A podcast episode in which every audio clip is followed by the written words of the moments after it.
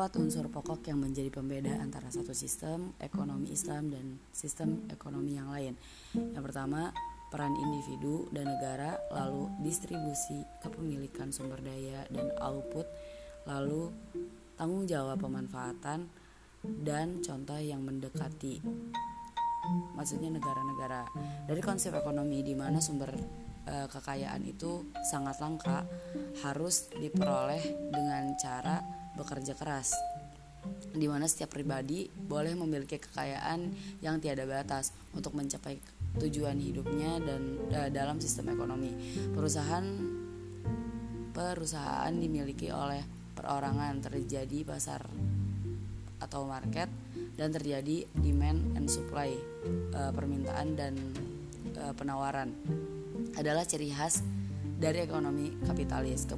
Keputusan yang diambil atas isu yang terjadi seputar masalah ekonomi sumbernya adalah dari kalangan kelas bawah yang membawa masalah tersebut ke level yang lebih atas.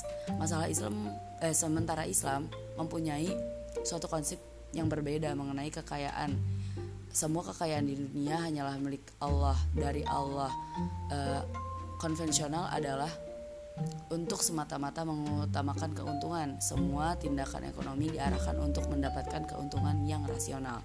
Jika tidak demikian justru dianggap tidak rasional. Lain halnya dengan ekonomi Islam yang tidak hanya mencapai tujuan keuntungan tetapi juga mengharapkan keuntungan rohani dan kemenangan atau falah.